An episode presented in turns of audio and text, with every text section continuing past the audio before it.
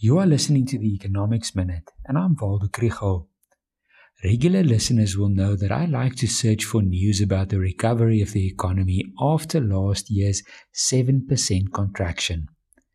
There are some production and consumption data available each month, but we know less about how households are doing.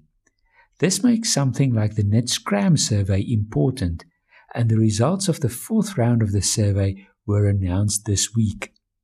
It shows that things are slowly getting better for households, but we are still far from where we were before the pandemic.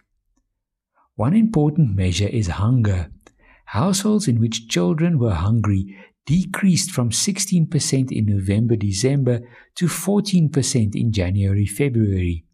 However, that is almost double the level of 8% before the pandemic. The main cause of hunger is the loss of a household's main source of income.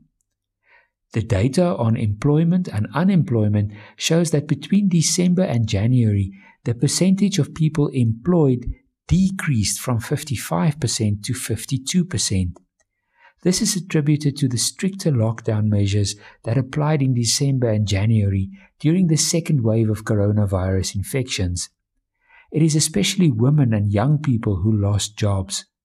The results of the survey also show that there was higher turnover in the labor market.